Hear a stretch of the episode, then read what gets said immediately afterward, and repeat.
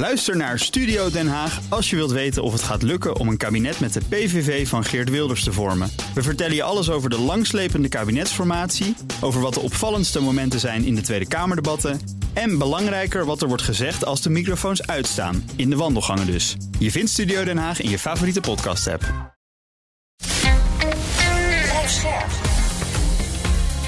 BNR Nieuwsradio. De wereld.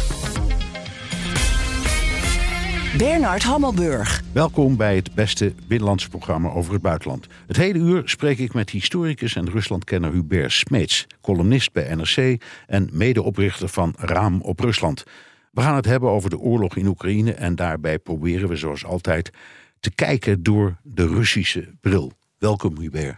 Goedemiddag. Goedemiddag. Laten we eerst eens kijken naar de situatie op de grond. Uh, we hebben al heel veel gesprekken gehad over deze oorlog. Um, en jij was tot nu toe behoorlijk optimistisch. Hoe bekijk jij de staat op de grond en elders? Het is een soort van status quo op de grond. Er wordt eigenlijk al maanden gewacht op een offensief van de Oekraïnse krijgsmacht of op een verder offensief van het Russische leger. En geen van beide is tot nu toe gebeurd. Deze week zijn er wel wat speldenprikken uitgedeeld door de Oekraïnse uh, troepen. Met name aan de, de oevers van de rivier de Dnipro. Uh, ze zijn ook overgestoken naar het oosten van de Dnipro. Maar de indruk bestaat dat dat vooral speldenprikken zijn om te testen hoe de Russische bezettingsmacht erop zal reageren. Ja. Echt een volledig offensief is nog steeds niet begonnen. En dat kan komen omdat de Russen het niet meer kunnen. Gewoon niet bij macht te zijn om datgene te doen wat ze gesuggereerd hebben dat ze zouden gaan doen. Namelijk een keihard offensief tegen uh, de Oekraïnse linies. Het kan zijn dat de Russen het niet willen, omdat ze eigenlijk deze oorlog voortdurend willen laten voortduren. Ja. Dat ze denken van nou, als we consolideren, dan hebben we eigenlijk al bereikt wat we willen, namelijk dat buurland Oekraïne uh, instabiel houden. Het kan ook zijn aan de andere kant dat de Oekraïnse krijgsmacht, en dat is het algemeen verhaal op dit moment, uh, op dit moment te weinig spullen heeft om een offensief, een heroveringsoffensief te kunnen beginnen. Ja. Te weinig munitie, nog te weinig tanks, et cetera. Ja al die verhalen gaan.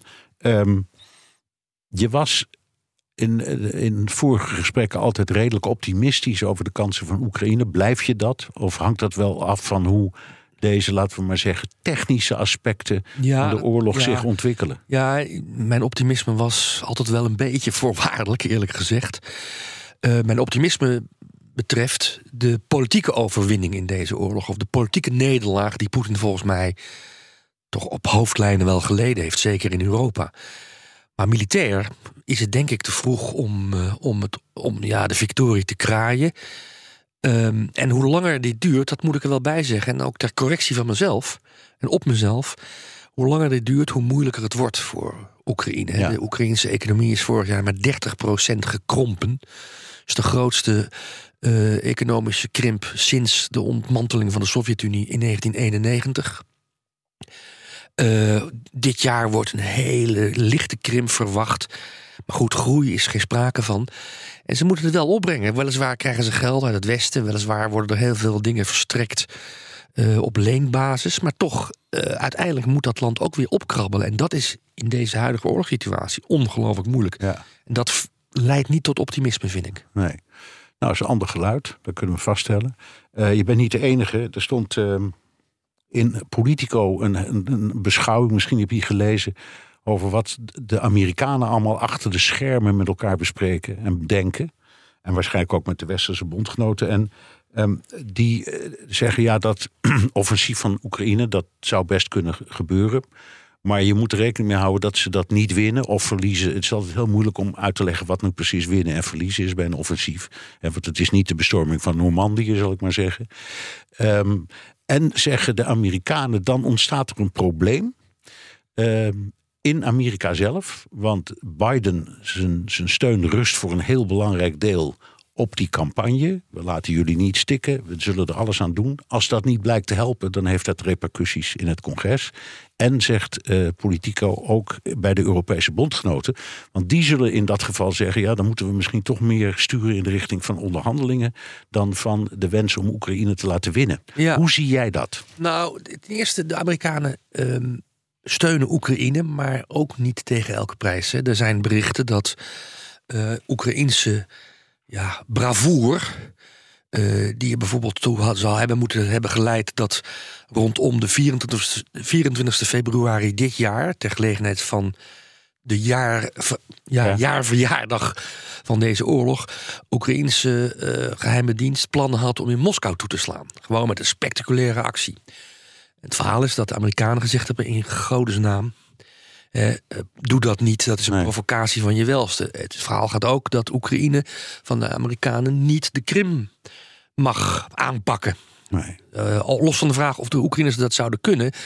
Uh, ze hebben wel in het verleden laten zien dat ze in staat zijn om speldenprikken uit te delen, ook op de Krim. Een soort van heilige gebied. Ja, maar het verhaal van Moskou daarover las ik dat een medewerker van Zelensky of Zelensky zelf had gezegd: waarom zouden we zoiets doen? Dat is, dat is, dat, dat, dat, is, dat is alleen maar bravoer, is bravoer. En daar winnen we niks mee. Nee. Um, dus die angst bij de Oekraïners leeft wel degelijk al heel lang eigenlijk hoor. Die leeft al sinds afgelopen zomer. Dat de oorlogsmoeheid in het Westen, met name in de Verenigde Staten en Canada, onderschat Canada toch niet helemaal hoor in dit verband. In Canada is een grote Oekraïnse diaspora woonachtig. Uh, die diaspora heeft ook een politieke invloed. In Toronto moet je Oekraïne spreken als je je wil redden. Ja, ja eh, dus dat, dat is niet onbelangrijke bondgenoot voor Oekraïne in deze oorlog. Maar al sinds de zomer is er een sprake van angst in Oekraïne voor de Oekraïne-vermoeidheid in Europa. En ik denk dat ze daar wel gelijk in hebben. Tot nu toe, laten we eerlijk zijn, tot nu toe is de Europese uh, frontlinie redelijk gesloten gebleven. Alleen Hongarije valt consequent buiten de, boord, buiten de boot. Maar vorige week bijvoorbeeld um, heeft um, de Washington Post een stuk geschreven over hoe uh, Rusland heel bewust één van de bondgenoten in Europa, namelijk Duitsland, eruit pikt om daar te kijken of het mogelijk is om een extreem links, extreem rechtse pro-Russische coalitie te vormen. Een soort van hoefijzer coalitie tussen uh, Alternatieven voor Duitsland aan de uiterst rechtse kant en die linken aan de uiterst linkse kant. En als je kijkt naar wat er gebeurd is de afgelopen maanden in Duitsland, dan lijkt het inderdaad heel goed denkbaar dat de uh, regering in Moskou heel bewust Duitsland eruit pikt als de zwakke stee. Maar wacht even, dat, dat, dat, dat klinkt alsof ze in staat zouden zijn om de regie te voeren over de Duitse politiek? Nee, niet over de Duitse politiek, maar de samenwerking tussen die linken en uh, alternatieven voor Duitsland. Uh, als het gaat om demonstraties. Het enige land eigenlijk met Oostenrijk in Europa waar pro-Russische demonstraties uh, met enige regelmaat en ook enige massaliteit gehouden worden. Als je, daar, als je dat beetje in oogschouw neemt, dan denk je, nou, die Russische strategie is niet, is niet geslaagd, is niet succesvol geweest. Maar zou op langere termijn, dat was je vraag, toch ook wel enig effect kunnen hebben. Het is een, een, een druppelende kraan die langzaam de steen uitholt. En wat de Washington Post schreef vorige week was... bewust gekozen voor Duitsland als de zwakke steen... in het Europese eenheidsfront. Ja. Aan de, uh, aan de zijde van Oekraïne. En dat komt natuurlijk ook omdat Duitsland nog altijd niet helemaal uit de keuze is tussen helemaal pro-Amerikaans, pro-Europees of vasthouden aan die oude Oostpolitiek van Willy Brandt. Ja. Dus als je, als je handig bent, kun je dat, als je goede schaker bent, kun je daar gebruik van maken. Ja, en binnen de huidige regeringscoalitie in Duitsland is de SPD toch de partij die heel erg hangt aan die oude Oostpolitiek van Willy Brandt. En ook een partij waarin uh, waar het idee dat uh, Rusland hetzelfde is als de Sovjet-Unie. En dus het idee ook bestaat dat Duitsland een soort van historische ereschuld heeft jegens alleen Rusland. En niet tegen jegens Oekraïne of Belarus. Dat leeft in Duitsland nog steeds nadrukkelijk, zeker in de SPD. Ja. Um, eventjes, uh, de, de, Amerikanen die houden dus rekening met een tegenvaller. Hubert Smeets houdt ook rekening met een tegenvaller. Ja, dat eerste is belangrijker dan nou, het tweede. Ik weet het niet, maar het, het, nou ja, maar ik vind het wel uh, tekenend. Eens even kijken um, hoe um, op, op, aan de aan Russische kant wordt gekeken naar dit geheel. Want daar hebben wij het altijd over als je hier bent. Um, hoe kijken die ernaar? Nou, de Russische samenleving is steeds passiever aan het worden, apathischer aan het worden uit uh, alle recente onderzoeken, uh, opinieonderzoeken, die ik ten dele serieus neem. Niet helemaal, maar op hoofdlijnen kan je daar wel een trend uit ontwaren.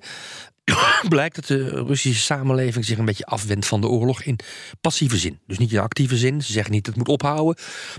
Maar ze houden zich met andere dingen bezig. En dat is dan vooral in, bijvoorbeeld in Rusland. En dan komen we gelijk ook bij een indirect effect van de oorlog: inflatie. Dat is een onderwerp wat eh, twee derde bijna van de Russische bevolking bezighoudt. Een grote zorg. Terwijl slechts een derde van de Russische bevolking zich bekommert om de oorlog zelf. Maar die inflatie, die dreigt in Rusland, is een gevolg van de sancties. Ja. Uh, niet alleen, maar is ook een gevolg van de oorlogsindustrie en de oorlogseconomie.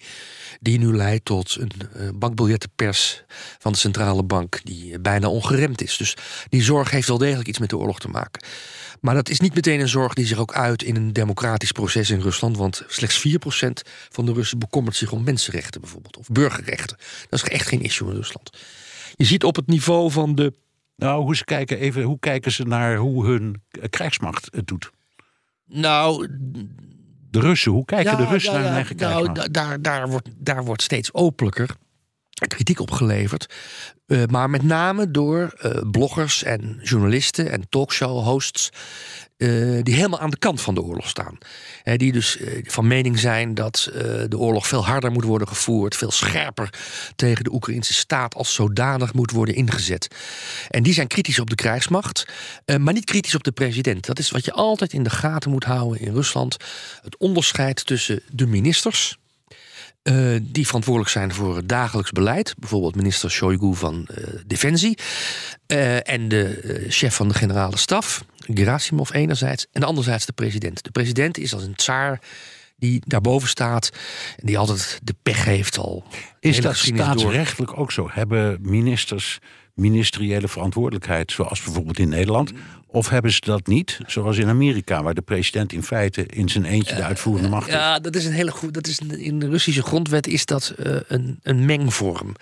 De minister van Defensie, minister van Buitenlandse Zaken en de chefs van de inlichtingendiensten en al die andere geuniformeerde organen, die zijn direct verantwoording, verantwoording verschuldigd aan de president. Precies. Omdat de president hen ook benoemt. Ja.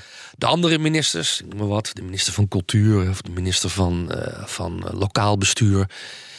Uh, die zijn natuurlijk feitelijk ook verantwoording verschuldigd aan de, aan de president, maar die hebben iets meer eigen verantwoordelijkheid. Het is een mengvorm, zou je kunnen zeggen. Zoals de hele Russische grondwet op papier een mengvorm is. Um, maar op hoofdlijnen um, zijn deze ministers natuurlijk verantwoordelijk verschuldigd aan de president. Maar het, het volk, de burgers ziet, ziet, zien dat anders. Die kijken naar de politiek uh, in een hele, je zou kunnen zeggen, een hele zwart-witachtige vorm. Dus je hebt de president, dat is de baas.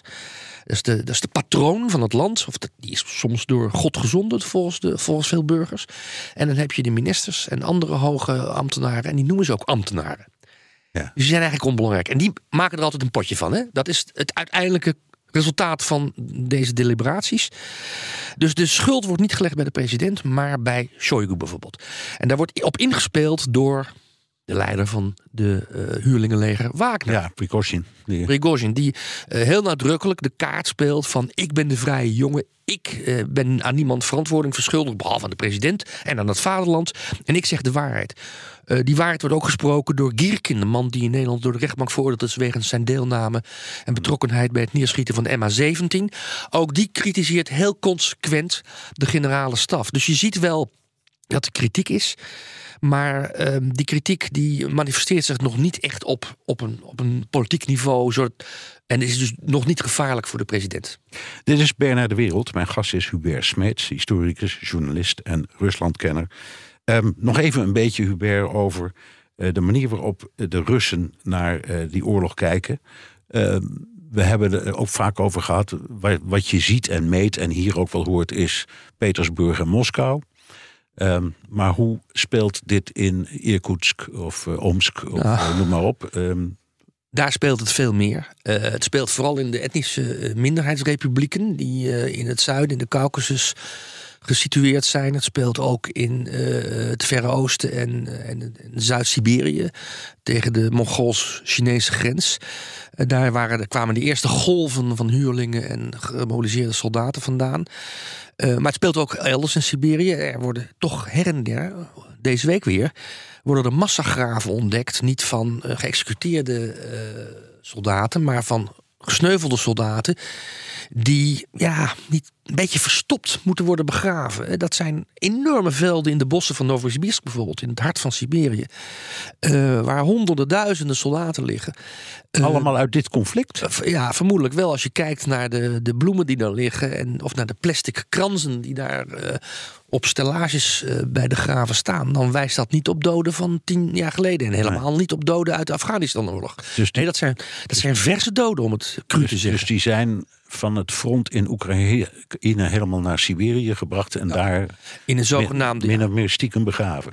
Nou ja, min of meer stiekem begraven. Voor deel heeft het ook te maken met het feit dat er op de reguliere begraafplaatsen te weinig plek is. Ja. En niemand weet hoeveel eh, gesneuvelde Russische soldaten er zijn. De Oekraïners die hebben het inmiddels over 200.000 uitgeschakelde Ja, dat kunnen eh, ook Russische gewonden zijn. soldaten. Dat, dat lijkt iedereen heel erg veel.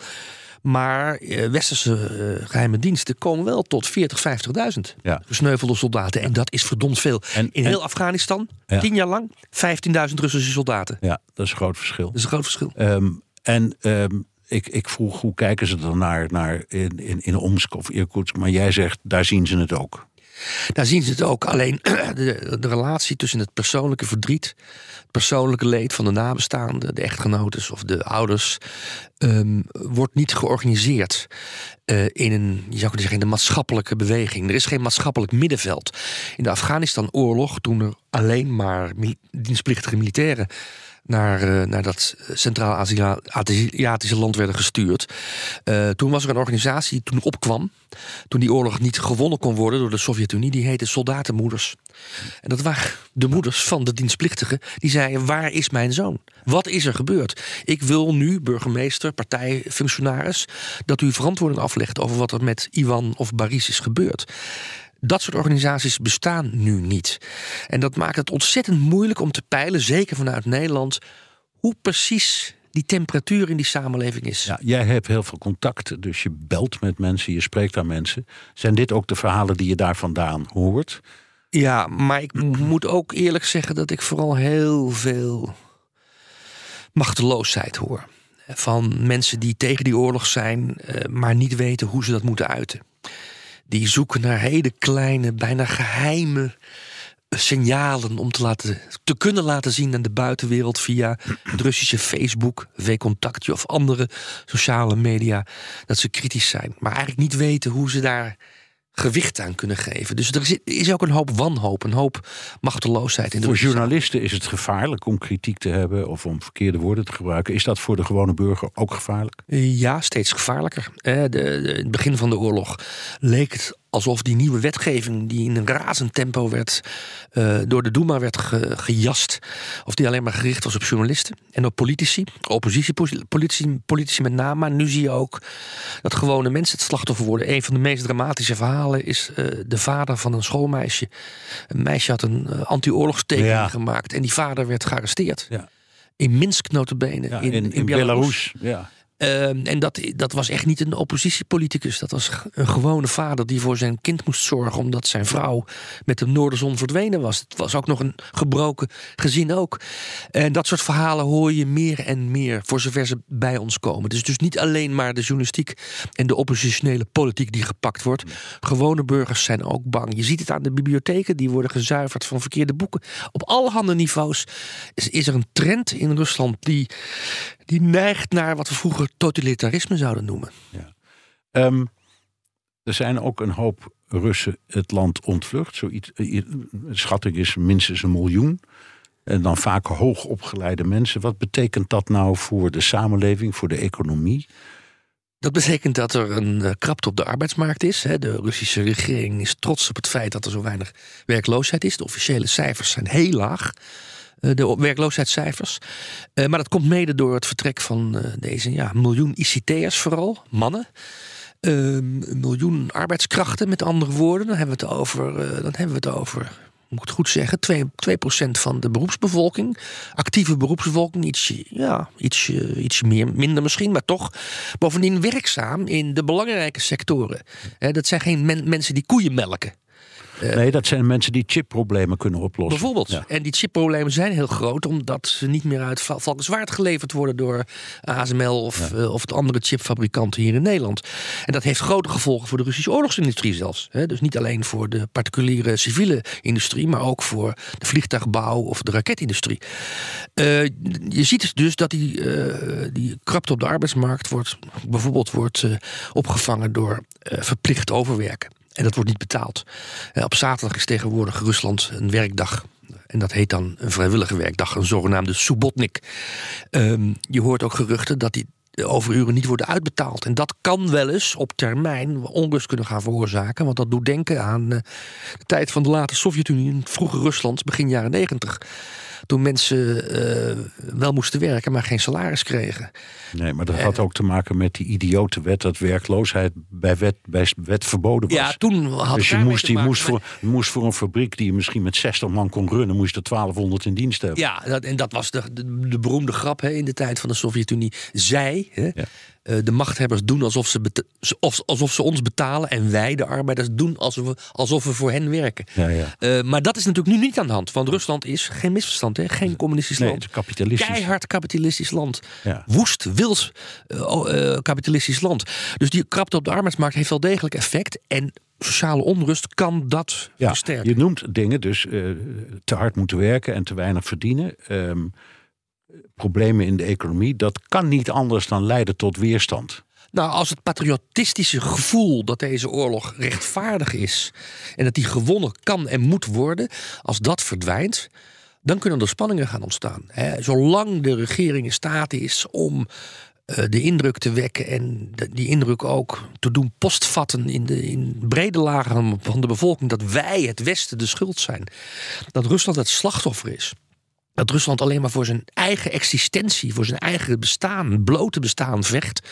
Zolang dat verhaal eh, blijft rondgaan in de Russische samenleving, denk ik dat die spanningen beheersbaar zijn. Maar als dat verkruimelt, dan kan er iets gebeuren. Even eh, kijken naar Oekraïne. Ehm, is ook onder de Oekraïnse bevolking ehm, het verzet of, het, of de apathie, of noem het maar wat, groeiende? Nou, de apathie is in Oekraïne niet groeiende. eh, uit alle opiniepeilingen, nogmaals, voor wat ze waard zijn in oorlogstijd, blijkt dat 80% van de Oekraïnse bevolking, ook in het zuiden en het oosten van Oekraïne, ook daar waar de Russen een bezettingsmacht hebben gelegerd, of waar de Russen dreigen met bezetting, eh 80% van de bevolking wil dat deze oorlog uitgevochten wordt totdat Oekraïne de oorlog heeft gewonnen. Maar het is natuurlijk niet eh, zo dat alle Oekraïners even patriotisch zijn. En vooral, ook in Oekraïne zijn heel veel gesneuvelde soldaten te betreuren door heel veel gezinnen en families. En het is logisch dat heel veel eh, jonge mannen denken van nou. Als ik me even kan, kan, kan onttrekken aan, aan, aan de militaire dienstplicht, dan zal ik dat proberen. En eh, ook daar speelt, net als in Rusland, dat hoe hoger eh Oekraïnse houten te paard zitten. In een regering of in het bedrijfsleven of in het lokale bestuur. hoe meer kansen ze hebben om hun eigen kinderen te onttrekken aan de militaire dienstplicht. En dat leidt wel tot scheve gezichten. Kan ook niet anders. Nee, in, Oekraïne, er is een Oek- eh, Oekraïnse journalist die twee, kind, twee zoons heeft in de weerbare leeftijd. En ja, die, die, die dienen niet. Nee. Dat is in Rusland ook het geval. Ja, dat was in, dat Amerika tijdens de Vietnamese oorlog. En dat is een van de dingen die de politiek de tas om heeft gedaan uiteindelijk. Ja. ja. BNR Nieuwsradio. De wereld. Bernard Hammelburg. Hoe moeten we naar de oorlog in Oekraïne kijken? Met idealisme, geloof en hoop of met koel realisme? Dus solidariteit is mooi, maar waar blijft het compromis? Ik praat erover met Hubert Smeets, columnist bij NRC en medeoprichter van Raam op Rusland. Ehm, Hubert, Ruslands oorlog tegen Oekraïne plaatst de realistische school in de internationale betrekkingen voor raadsels. Steeds gebeurt er wat anders dan vooraf is voorspeld. Betoog jij onder andere in een essay in de NRC. Wat is er mis met dat realisme?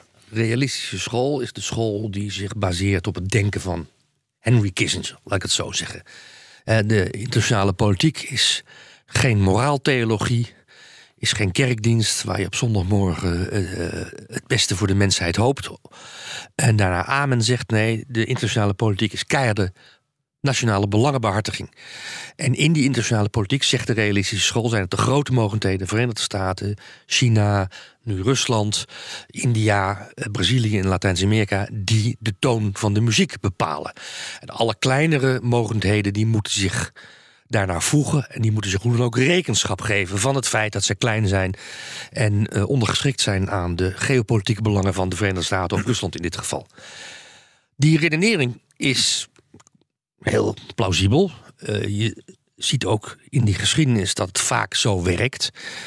Maar mijn, mijn, mijn redenering er tegenover is, mijn kritiek erop is, is dat hij voorbij gaat, deze manier van denken, aan het bestaan van kleinere landen die ook eigen belangen hebben, ook eigen aspiraties hebben. En in Oekraïne zie je dat heel sterk. Oekraïne is een land dat altijd onderdeel is geweest van een ander imperium, het Oostenrijks-Hongaarse of het Russische imperium, altijd zich bezet heeft gevoeld door een van die grootmachten in de, in de nabije omgeving. In 1991, toen het onafhankelijk werd, ineens de kans gezien heeft om zichzelf te ontwikkelen, om een nationale staat te worden met uh, nationale staatsburgers. En dat zijn er 40 miljoen op dit moment, alles bij elkaar. Uh, dat is niet helemaal een klein land als Liechtenstein. Realistische school negeert die ambitie negeert die recente geschiedenis van Oekraïne in mijn ogen. En heeft daarom heel veel bokken geschoten. Ze hebben gedacht dat Oekraïne zich binnen de kortste keren over de voet, onder de voet zouden laten lopen. Uh, de realistische school heeft gedacht dat Europa verdeeld zou raken. De realistische school heeft uh, uh, niet begrepen dat het Russische leger veel minder goed was dan de president zei. Um, ja, is een realist uit Leiden die twee, drie, nee, niet twee, drie dagen, vijf dagen voordat de oorlog begon nee, de Russische krijgsmacht is heel geavanceerd, sophisticated. En die zullen dat heel clean en zo oplossen allemaal in Oekraïne. Nou, het tegendeel is gebeurd. Hoe komt het volgens mij dat deze realistische school niet weet wat er in Oekraïne aan de hand is? Omdat ze eigenlijk niet geïnteresseerd zijn of te weinig weten, laat ik het zo formuleren, van wat er in Oekraïne de afgelopen 30 jaar is gebeurd. Ja, dat begrijp ik. Maar je, wat je beschrijft wordt ook realpolitiek genoemd. In, in, tot op zeker op Metternich. Je noemde Kissinger, die is ja. geloof ik afgestudeerd op Metternich. Zeker, ik heb dat boek nog moeten lezen. Ja, ja, ja, ja ik ook. Ja, A World Restored. A World Restored. um, um, dat kun je ook zeggen, je kunt beter tot een onaangenaam bestand komen dan doorvechten in uh, een eeuwigdurende oorlog. Ja, en, en, uh, maar dat, dat ben ik.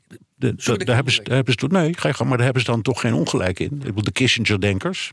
Ze hebben er geen ongelijk in als zij in staat zouden zijn en bereid zouden zijn om de Oekraïnse bevolking te overtuigen van deze oplossing. En dat nu is niet gelukt.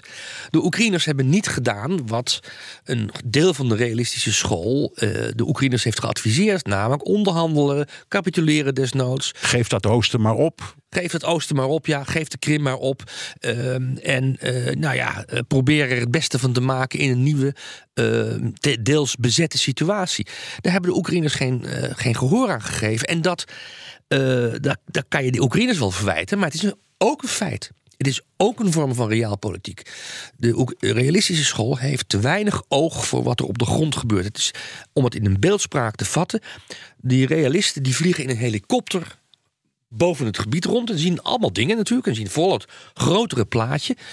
Maar ze hebben te weinig contact met de gewone uh, de, de, jongens op de grond. En de jongens en meisjes op de grond. Die op de vierkante meter ja. uh, onderzoek doen. In dit geval naar Oekraïne. En naar de stemming in die samenleving. En als die relatie er niet is tussen de feiten op de grond. En het beeld in de helikopter. Dan krijg je dit soort misverstanden. Namelijk ja. dat de realistische school van Zelensky capitulatie eist. En, en, en Zelensky een lange neus trekt. Ja, maar je zei aan het begin van ons gesprek dat ook de Amerikanen bijvoorbeeld zeggen: eigenlijk is die eis uh, om uh, de Krim terug te krijgen misschien niet zo realistisch. Nee. Dus en dat, en dat is toch dan. Nou ja, dat is realpolitiek. Dat, dat is realpolitiek vanuit de Amerikaanse uh, visie. dat is een realpolitiek waar ook de regering Kiev rekening mee moet houden. Zeker. Maar de regering Kiev heeft kennelijk de beslissing genomen om haar huid zo duur mogelijk te verkopen. En is vast van plan, denk ik, eh, of het gaat lukken, dat is in vers 2, om eh, de Krim af te knijpen. Als ze de landweg van de Russische eh, bezette gebieden eh, vanuit het oosten over land via het zuiden van Oekraïne naar de Krim kunnen afsnijden, als ze die kunnen heroveren, de Oekraïnse krijgsmacht. eh, dan, ehm, eh, dan kunnen ze Oekraïne in houtgreep houden. En dan zouden ze misschien wel de tijd rijp achter om eens te gaan zeggen. En te gaan praten met, ook met Rusland over. Nou ja, het erkennen van de status quo op de Krim. Maar op dit moment is Kiev daar niet toe bereid. En de Oekraïnse bevolking steunt Kiev daarin. En dat is ook een feit. Ja, maar jouw verwijt is dus niet zozeer dat de realisten ongelijk hebben in de grote patronen die ze vanuit die helikopter zien, maar dat ze geen rekening houden met het gevoel en de overtuiging van de mensen over wie ze praten. Ja, en dat ze dus ook, geen, eh, ook reken, zich, er geen rekenschap van geven dat die 40 miljoen Oekraïners, ehm, dat je die wel kunt eh, verwijten dat ze aan eh, moraalpolitiek doen, dat ze eh, alleen maar eh, hun morele gelijk willen halen, maar dat de realisten tegelijkertijd niet, niet willen zien en ontkennen dat die 40 miljoen Oekraïners een machtsfactor van betekenis zijn. Dat is ook onderdeel van de geopolitiek. Namelijk dat die 40 miljoen Oekraïners in meerderheid, ik, natuurlijk niet iedereen, in meerderheid ehm, eh, een andere opvatting heeft over de toekomst. Een andere opvatting heeft over de maatschappelijke orde die in Oekraïne moet bestaan. En daarmee met die andere opvatting de geopolitiek concreet beïnvloedt. Omdat die 40 miljoen Oek- Oekraïners gewoon macht hebben. En niet alleen maar speelbal zijn van Moskou of Washington. Nee, maar er zijn 450 miljoen Europeanen en er zijn 340 miljoen Amerikanen. En die neigen, naar mijn idee, toch steeds meer in de reaalpolitieke richting. Vooral naarmate die oorlog langer duurt. Dat weet ik niet. Ehm, ik denk dat eh, in Europa eh, er een grote groep politici is en ook burgers is die deze oorlog niet alleen maar ziet als een, her, als een, als een, eh, als een oorlog, als een postkoloniale oorlog ehm, die Rusland moet teruggeven, waar Rusland volgens zichzelf historisch recht op heeft. Hè. In Rusland is dat een belangrijk begrip, historisch rechtvaardigheid. Maar ik denk dat er in Europa en zeker ook in Amerika ook wel mensen zijn die eh, dit als een politieke strijd zien. De ideologische, eh, de ideologische inzet van Moskou is om van Oekraïne een autoritair bestuurd eh, top-down eh, kolonie te maken. Eh, zoals Rusland ook een top-down bestuurd rijk is. De Oekraïners willen graag een democratische rechtsorde voor zichzelf kunnen creëren. En denken dat die toekomst, een democratische toekomst, in Europa ligt en in verbondenheid met de Verenigde Staten. Het is een politieke zaak. Die eh, misschien wel ehm, zal leiden eh, in Europa tot een soort van vermoeidheid op termijn. Maar op dit moment is de Europese Unie redelijk verenigd rondom die politieke inzet. Ja, sterker nog, eh, Stoltenberg, de, de NAVO-baas, die zegt... bij nader inzien moeten ze ook maar lid worden van de NAVO. Terwijl eh, toen eh, nog niet zo lang geleden het besluit werd genomen om, ze- genomen om ze kandidaatlid van de EU te maken. Daarbij werd gezegd, ja, maar dat is geen opstap naar de NAVO. Nee, dus kan je nagaan. Dus is dat, is dat het moment waarop je zegt, hier, wint, hier verliezen de realisten? Nou, ik, ik zou het niet in een winst- of verliesrekening willen gieten. Maar ehm, de realisten zeiden 14 maanden geleden, 15 maanden geleden toen de oorlog begon.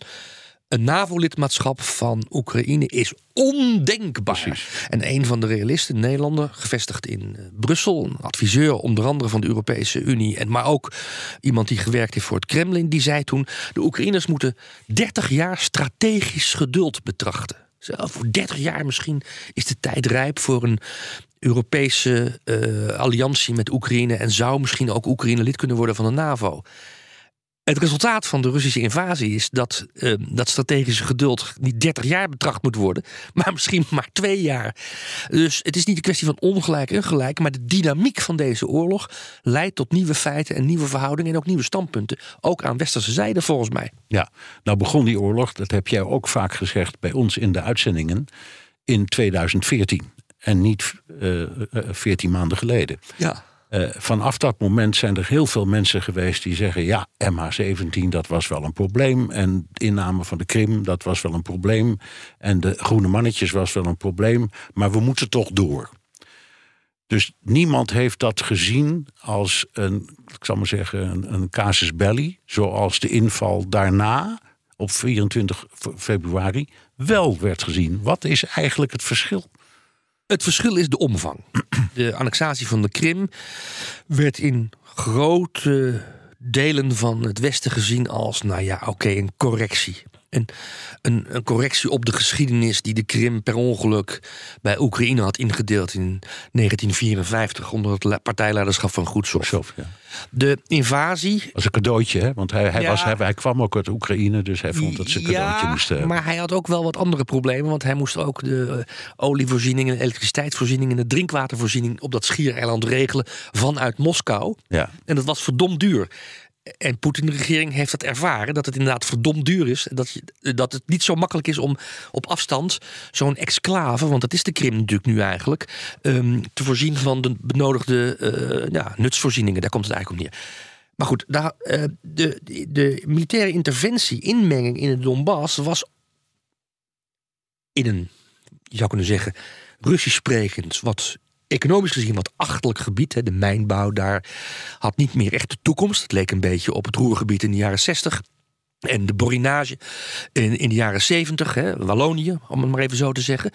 Daarvan werd nog gezegd, nou, weet je, dat is niet de hoofdzaak. Maar de invasie van 24 februari was niet een grenscorrectie was niet een, uh, een aanpassing van de geschiedenis. Nee, dat was een aanval op de Oekraïnse staat in den brede. En we hebben de afgelopen 14 maanden ook gezien dat die oorlog veel meer is dan alleen maar een, uh, een oorlog om gebied.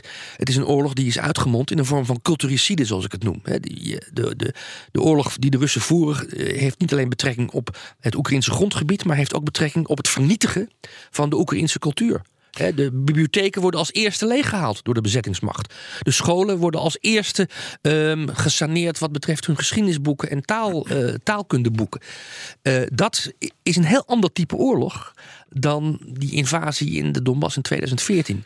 En de derde reden waarom we nu zo het serieus nemen, is denk ik ook een correctie.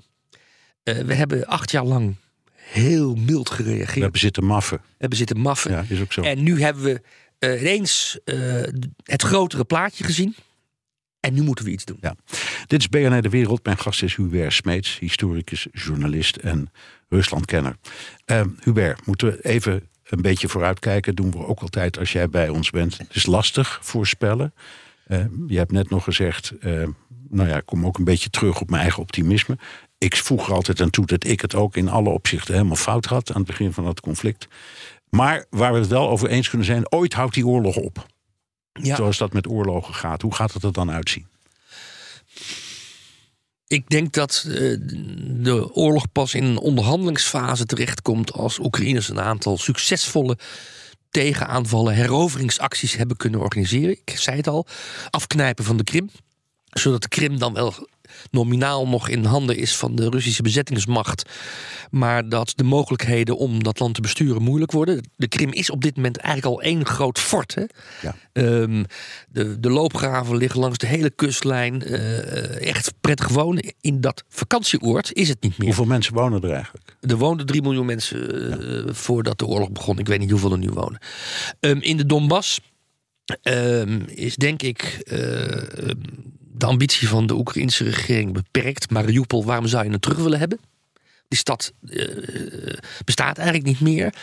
Dus ik zou me zo kunnen voorstellen, maar nogmaals, ik ben niet degene die, uh, die op de, de stoel zit van Zelensky en, en de Oekraïnse regering. Maar je zou je kunnen voorstellen wanneer de Russen in, in, de, in het defensief zijn gedrongen, wanneer de Krim is afgeknepen, wanneer uh, Oekraïne zicht heeft op de grenzen van 23 februari 2022, voordat de full-fledged invasie begon, dat er dan onderhandelingen kunnen beginnen en dat de positie van Oekraïne zou kunnen zijn, heimelijk, ze zullen het niet openlijk zeggen, weet je wat?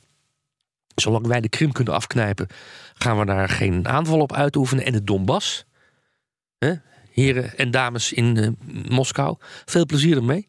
Kost jullie met klauwen met geld.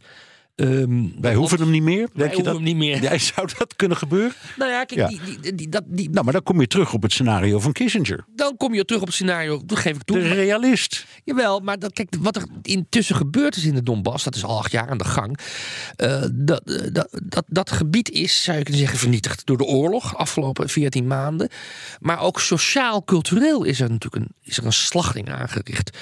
Eh, sinds de oorlog begon in 2014 in de Donbass, is een deel van de bewoners daar gevlucht. Een deel is gebleven, uiteraard, maar een deel is gevlucht. En kort gezegd komt erop neer dat hoe hoger opgeleid en hoe jonger eh, de vluchtelingen naar het westen gingen. Ik bedoel, het westen van Oekraïne. Mhm. En hoe ouder en hoe lager opgeleid, hoe meer ze hun heil zochten in Rusland. Ehm, ik, ik chargeer, maar dat is op hoofdlijnen wel de statistische werkelijkheid. Ehm, nou, die jonge mensen die daar eh, aan de Technische Hogeschool van eh, Donetsk studeerden en nu een baan hebben in de ICT in Kiev. Die gaan toch niet terug naar Lu- Luhansk om daar in een, in een, in een kolenmijn eh, de elektronica weer een beetje op orde te brengen. Ik kan me niet voorstellen. Dus ik zou me zo kunnen voorstellen dat dat gebied, ja, het klinkt ontzettend hard en cru, door Kiev wordt opgegeven. Ja, maar goed, het, we draaien dan toch even terug naar waar we over begonnen. En ook het hele verhaal over eh, realisme. Ik, ik zie plotseling de grenzen in het denken toch kleiner worden. Want het lijkt wel op elkaar in, uiteindelijk in uitkomst. Ja. Maar nu een vraag die ermee samenhangt. Rusland gaat niet weg. Dat blijft daar gewoon liggen. Dat, en voor veel mensen, hoewel het voor een groot deel Aziatisch is, maar voor veel mensen, voor het gevoel van veel mensen, is het een Europees land. Hoe wordt die relatie in de toekomst? Hoe kun je daar in vredesnaam nog iets van maken of bakken, zodat de wereld door kan? Ja, nou, je zegt nu Rusland ligt daar. Dat is nog maar de vraag. Eh, De Russische Federatie ligt daar inderdaad nu. Ja. En dat is het grootste land ter wereld eh, qua vierkante kilometers. Maar het is ook een federatie met heel veel minderheidsgroepen en een hele broze ehm, sociaal-economisch, eh, sociaal-economische structuur. Het evenwicht is heel, heel zwak. Kort gezegd komt erop neer dat in een beperkt aantal gebieden wordt geld verdiend. In de olie- en gasgebieden, in de andere delfstoffengebieden, en in Moskou en Petersburg. Al in mindere mate trouwens. En in een groot deel van de, van de, van de gebieden van, eh, van Rusland moet er geld bij. Met name in de Caucasus. Dus het is één grote transferunie, om het op zijn eh, Europees te zeggen. Eh, waarbij ehm, ehm, de rijke gebieden heel veel moeten betalen en, en relatief weinig terugkrijgen, behalve Moskou. Want daar is, wordt weinig geproduceerd, maar wordt heel veel verdiend. Maar bijvoorbeeld in, in, Siberië zijn er tal van olie- en gasgebieden waar ze twee keer zoveel belasting betalen dan ze in voorzieningen terugkrijgen vanuit Moskou. Dat kan best eens tot spanningen gaan leiden in dat grote, eh, grote rijk. Eh, zoals die eh, spanningen er ook waren begin jaren negentig, vlak na de ondergang van de Sovjet-Unie. Toen er allerhande kleinere ehm, voormalige Sovjet-republiekjes binnen Rusland ineens hun vinger opstaken en zeiden: Wij zijn ook onafhankelijk. Wij zijn autonoom. Ja. Onafhankelijk misschien Nou ja, niet. Autonoom. Tatarstan. Dat soort. Nou, Tatarstan is in het hart van Rusland. Hè? Ja. Ligt, in het, ligt eh, aan de, de Wolga-rivier. Nou, Russische kan je niet hebben. Nee. Dus eh, de Russische federatie zal, wanneer Rusland deze oorlog politiek verliest, onder druk komen te staan.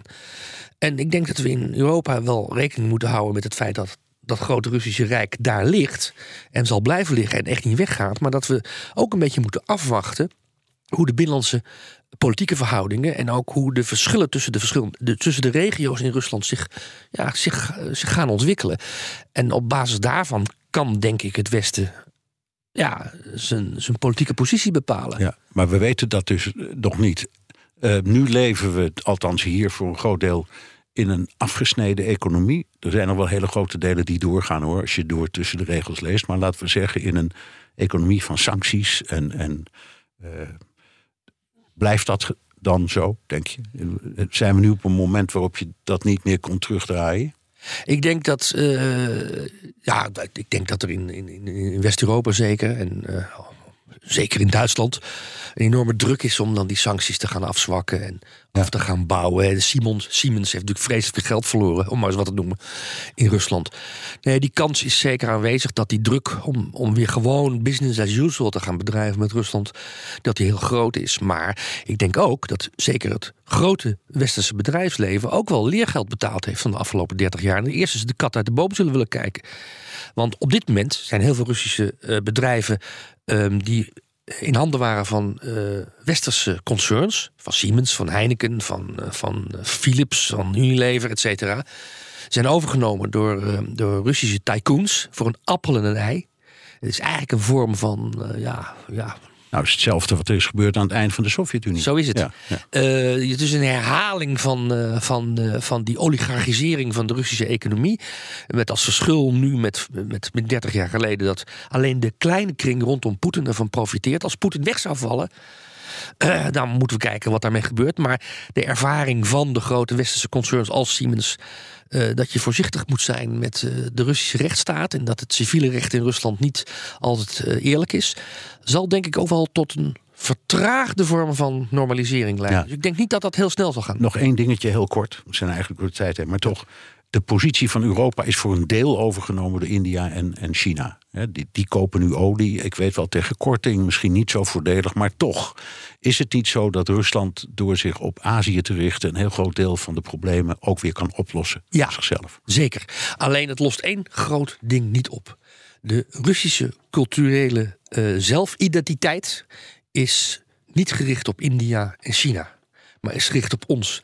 Rusland heeft een missie en die missie ligt in Europa. Ook, die, ook de negatieve missie van Rusland ligt in Europa. Namelijk ons bevrijden van homoseksualiteit, pedofilie en andere vormen van christelijke decadentie. Zoals het in Rusland gezien wordt. Die missie ligt hier en niet in, niet in eh, Delhi en niet in Peking. Eh, dus met andere woorden, wanneer Rusland zich afhankelijk maakt van die grote landen, waar tien keer meer mensen wonen in beide landen dan in Rusland zelf, hè? 150 miljoen versus anderhalf miljard in beide landen, China en India. Ehm, als, eh, als Rusland zich onder, onderwerpt aan die economische eh, ja, overheersing door China en India, denk ik dat er in Rusland zelf een hele grote brain drain op gang zal komen naar ons toe. Ja, dan wordt het eh, meer dan één nacht op een kale berg. Dankjewel, Hubert Smeets, Ruslandkenner, historicus, columnist bij NRC en medeoprichter van Raam op Rusland.